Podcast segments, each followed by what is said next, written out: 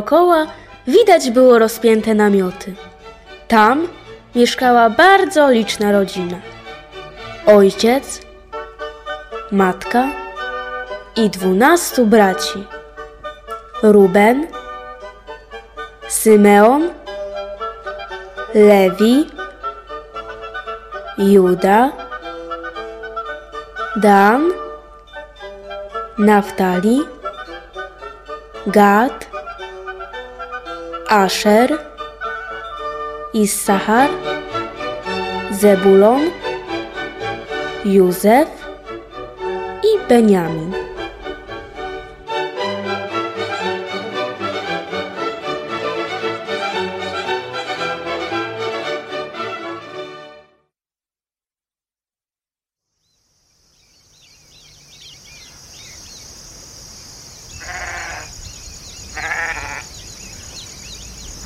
Popatrz, z daleka widać pasące się stada owiec. Tak, widzę z daleka wszystkich braci. Józef powinien być o tej porze ze mną. Daj mu poprzebywać z braćmi. On jest od nich lepszy, zdolniejszy. Wiesz, że urodził mi się na starość. Kocham go najbardziej. Bracia widzą, że kochasz go więcej niż wszystkich swoich synów. Wyróżnię go dlatego, obdarowując długą szatą z rękawami, jaką noszą szczególni ludzie. Józefie! Józefie! Józefie! Jestem, ojcze. Muszę ci donieść o tym, co mówią o twoich synach w okolicy. Dobrze, ale najpierw proszę przyjmij ode mnie ten dar. Szatę z długimi rękawami.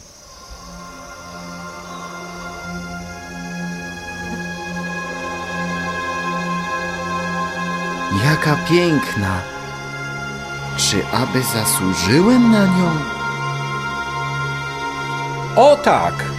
Tylko do ciebie mam zaufanie i tylko ty godny jesteś nosić ją spośród twoich braci. Ojcze, dziękuję. Tak bardzo cię kocham. Ale o czymś chciałem ci opowiedzieć. Tak, już sobie przypomniałem. Dzisiaj w nocy miałem niezwykły sen. Śniło mi się, że wiązaliśmy snopy pośrodku pola i wtedy snop mój podniósł się i stanął, a snopy wasze otoczyły go kołem i oddały mu pokłon. Potem miałem drugi sen. Śniło mi się jeszcze, że słońce, księżyc i jedenaście gwiazd oddawały mi pokłon.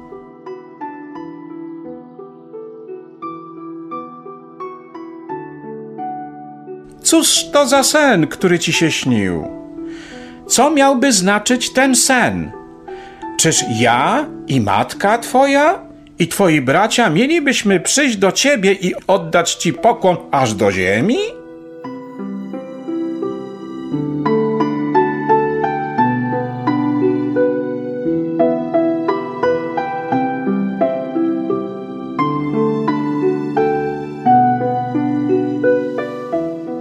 Bracia, gdy przyszli z pola od trzody, byli bardzo strudzeni. Najpierw zaczęli oglądać niezwykłą szatę Józefa, a potem ze zdziwieniem wysłuchali tajemniczej opowieści o śnie swojego młodszego brata. Bardzo ich to zezłościło. Zazdrościli mu bracia tego wszystkiego. W ich sercach pojawiła się nienawiść do ukochanego syna Jakuba.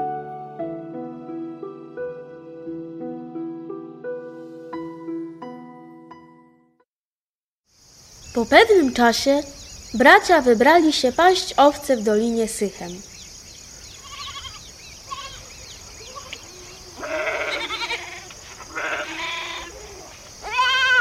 Ruben, tu nie ma zbyt dużo trawy. Chodźmy do Dotanu. Dobrze, Judo. Ojciec, martwiąc się o synów, wysłał Józefa, mówiąc: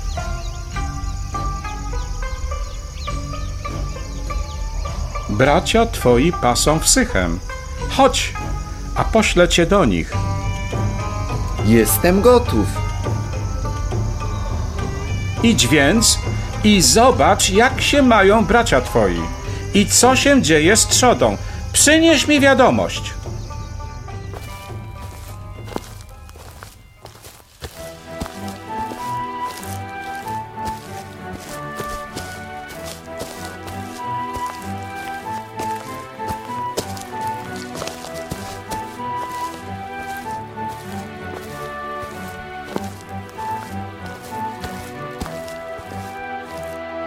Józef błąkał się po polu, aż wreszcie znalazł ich w Dotanie.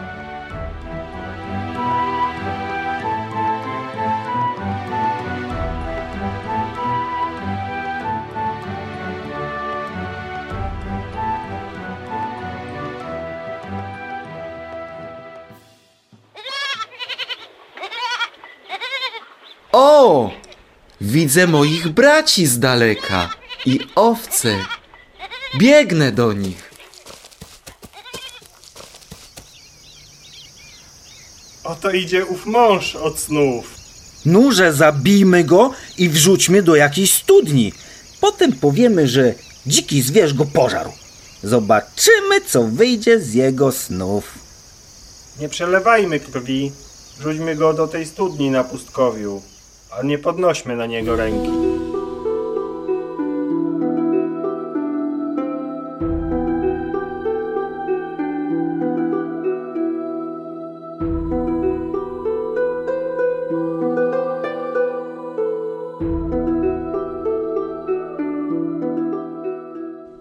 Robicie? A! O! Ratunku! A teraz siedź w tej studni. Masz szczęście, że nie ma w niej wody. Bracia, chodźmy coś zjeść.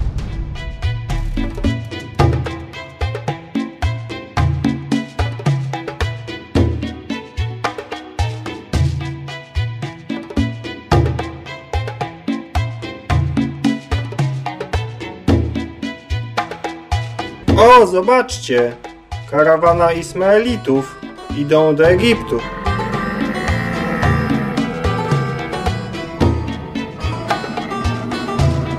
Cóż nam przyjdzie z tego, że zabijemy Józefa i nie ujawnimy naszej zbrodni? Chodźcie, sprzedamy go Ismaelitom. Nie podnośmy ręki na niego, wszak jest on naszym bratem.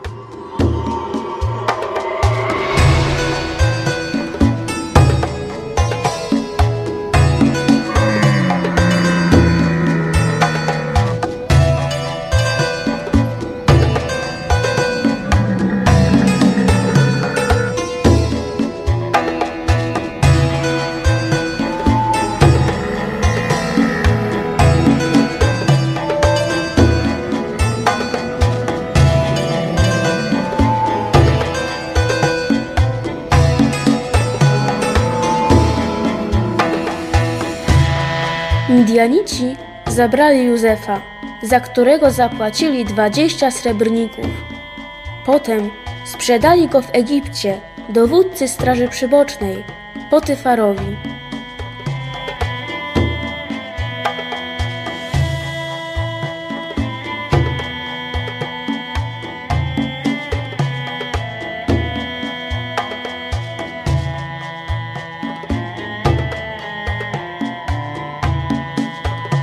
Niestety, chociaż Józef sumiennie pracował i jego pan Potyfar powołał go na zarządcę całego swego domu, żona Potyfara sprowadziła nieszczęście na Józefa.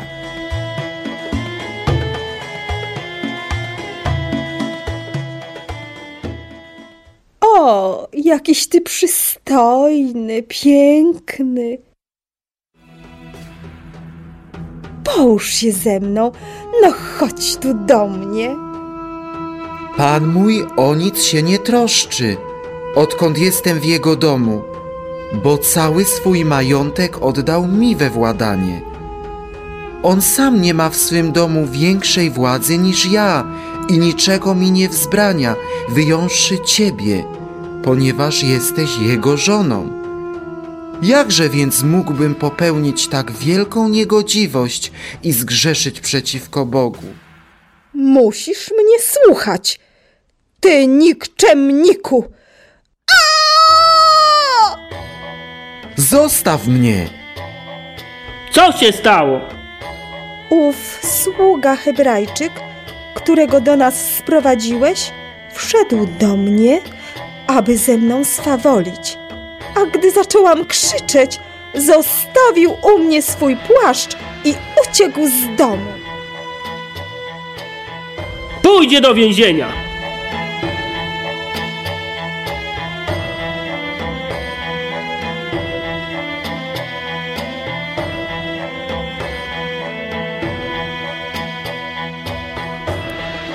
Józef był w więzieniu dwa lata. W tym czasie zdobył sobie przychylność przełożonego więzienia, tak, iż przełożony polecił mu nadzór nad wszystkimi więźniami. Wyłożył też, co oznaczają dwa sny, które mieli podczaszy i piekarz, wtrąceni przez faraona do więzienia.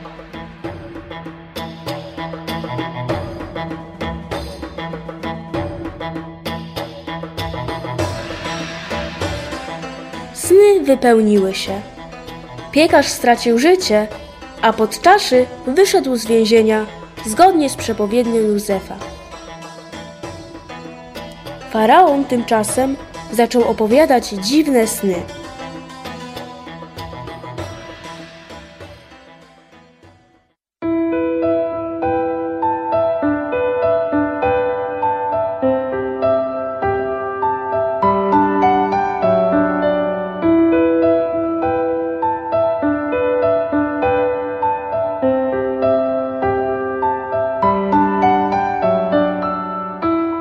Oto z Nilu wyszło siedem krów pięknych i tłustych, które zaczęły się paść wśród sitowia.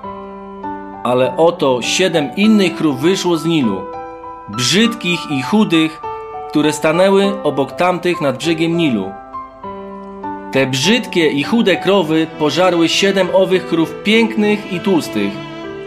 A kiedy znów zasnąłem, miałem drugi sen – Oto siedem kłosów wyrastających z jednej łodygi, zdrowych i pięknych. A oto po nich wyrosło siedem kłosów pustych i zniszczonych wiatrem wschodnim. I te puste kłosy pochłonęły owych siedem kłosów zdrowych i pełnych.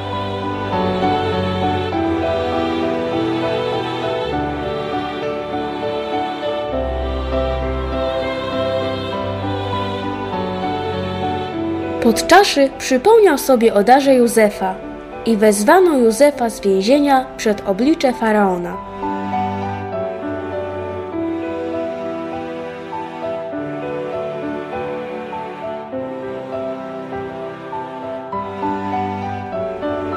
Sen twój o faraonie jest jeden i ten sam. To, co Bóg zamierza uczynić, zapowiedział tobie, faraonie. Siedem krów pięknych to siedem lat, i siedem kłosów pięknych to też siedem lat. Jest to bowiem jeden i ten sam sen. Siedem zaś krów chudych i brzydkich, które wyszły za tamtymi, i siedem kłosów pustych i zniszczonych wiatrem wschodnim, to siedem lat głodu. Bóg uczyni tak, jak pokazał faraonowi bo nadejdzie siedem lat obfitości wielkiej w całym Egipcie, a po nich nastanie siedem lat głodu i pójdzie w niepamięć cała ta obfitość w Egipcie, gdyż głód będzie bardzo ciężki. Ponieważ ten sen powtórzył się dwukrotnie Faraonie, Bóg niebawem to uczyni Teraz więc niech faraon upatrzy sobie kogoś roztropnego i mądrego i ustanowi go zarządcą Egiptu.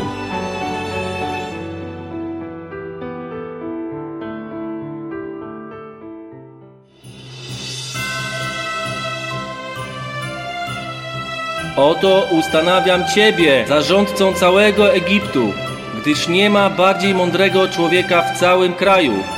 I nadaję Ci imię Safnat Paneach, wybawca świata. Hurra! Niech żyje! Hurra! Hurra! Niech żyje! Hurra! Niech żyje! Hurra! Hurra! Niech żyje! Wszystko wydarzyło się według słów Józefa. Bóg wykonał to, co objawił we śnie faraonowi. Wtedy do Egiptu przychodzili ludzie ze wszystkich stron świata po zboże, które Józef zgromadził w spichlerzach.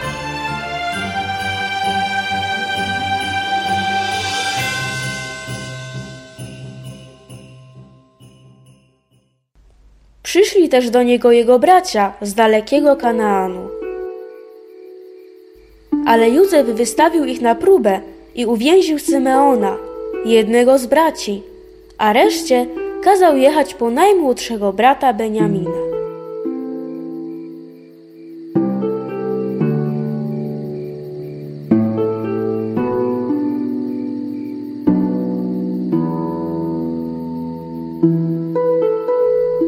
Kiedy już powrócili z Beniaminem, oskarżył ich, że są szpiegami i złodziejami.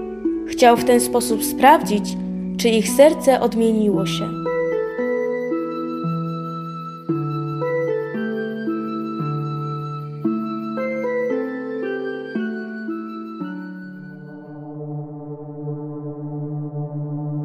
Dlaczego odpłaciliście mi złem za dobre? Czemu ukradliście mój złoty kubek? Uchowaj, Boże, by słudzy Twoi mieli uczynić coś takiego. U którego znajdziesz kubek? Ten będzie twoim niewolnikiem, panie. Otwierać worki!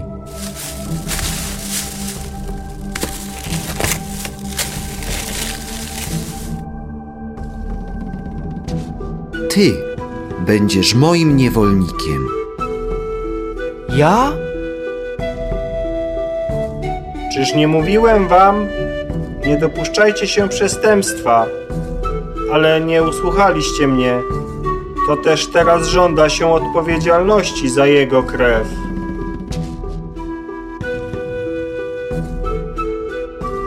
Teraz więc niech ja, sługa Twój, zostanę zamiast Beniamina niewolnikiem Pana mego.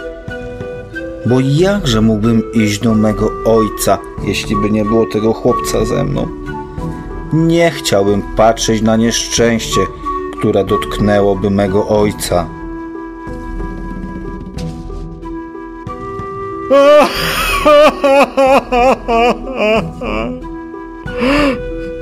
Zbliżcie się do mnie.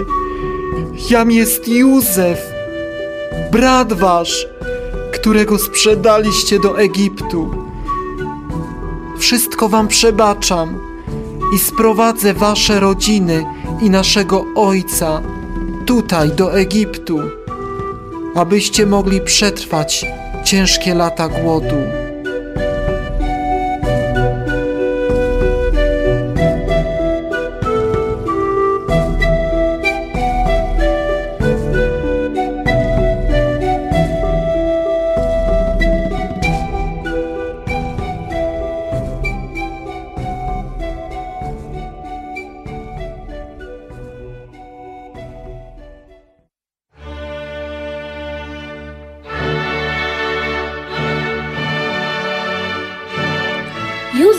Przebaczył swoim braciom, tak jak Bóg przebacza nam każdy zły czyn, do którego się przyznamy i za który żałujemy.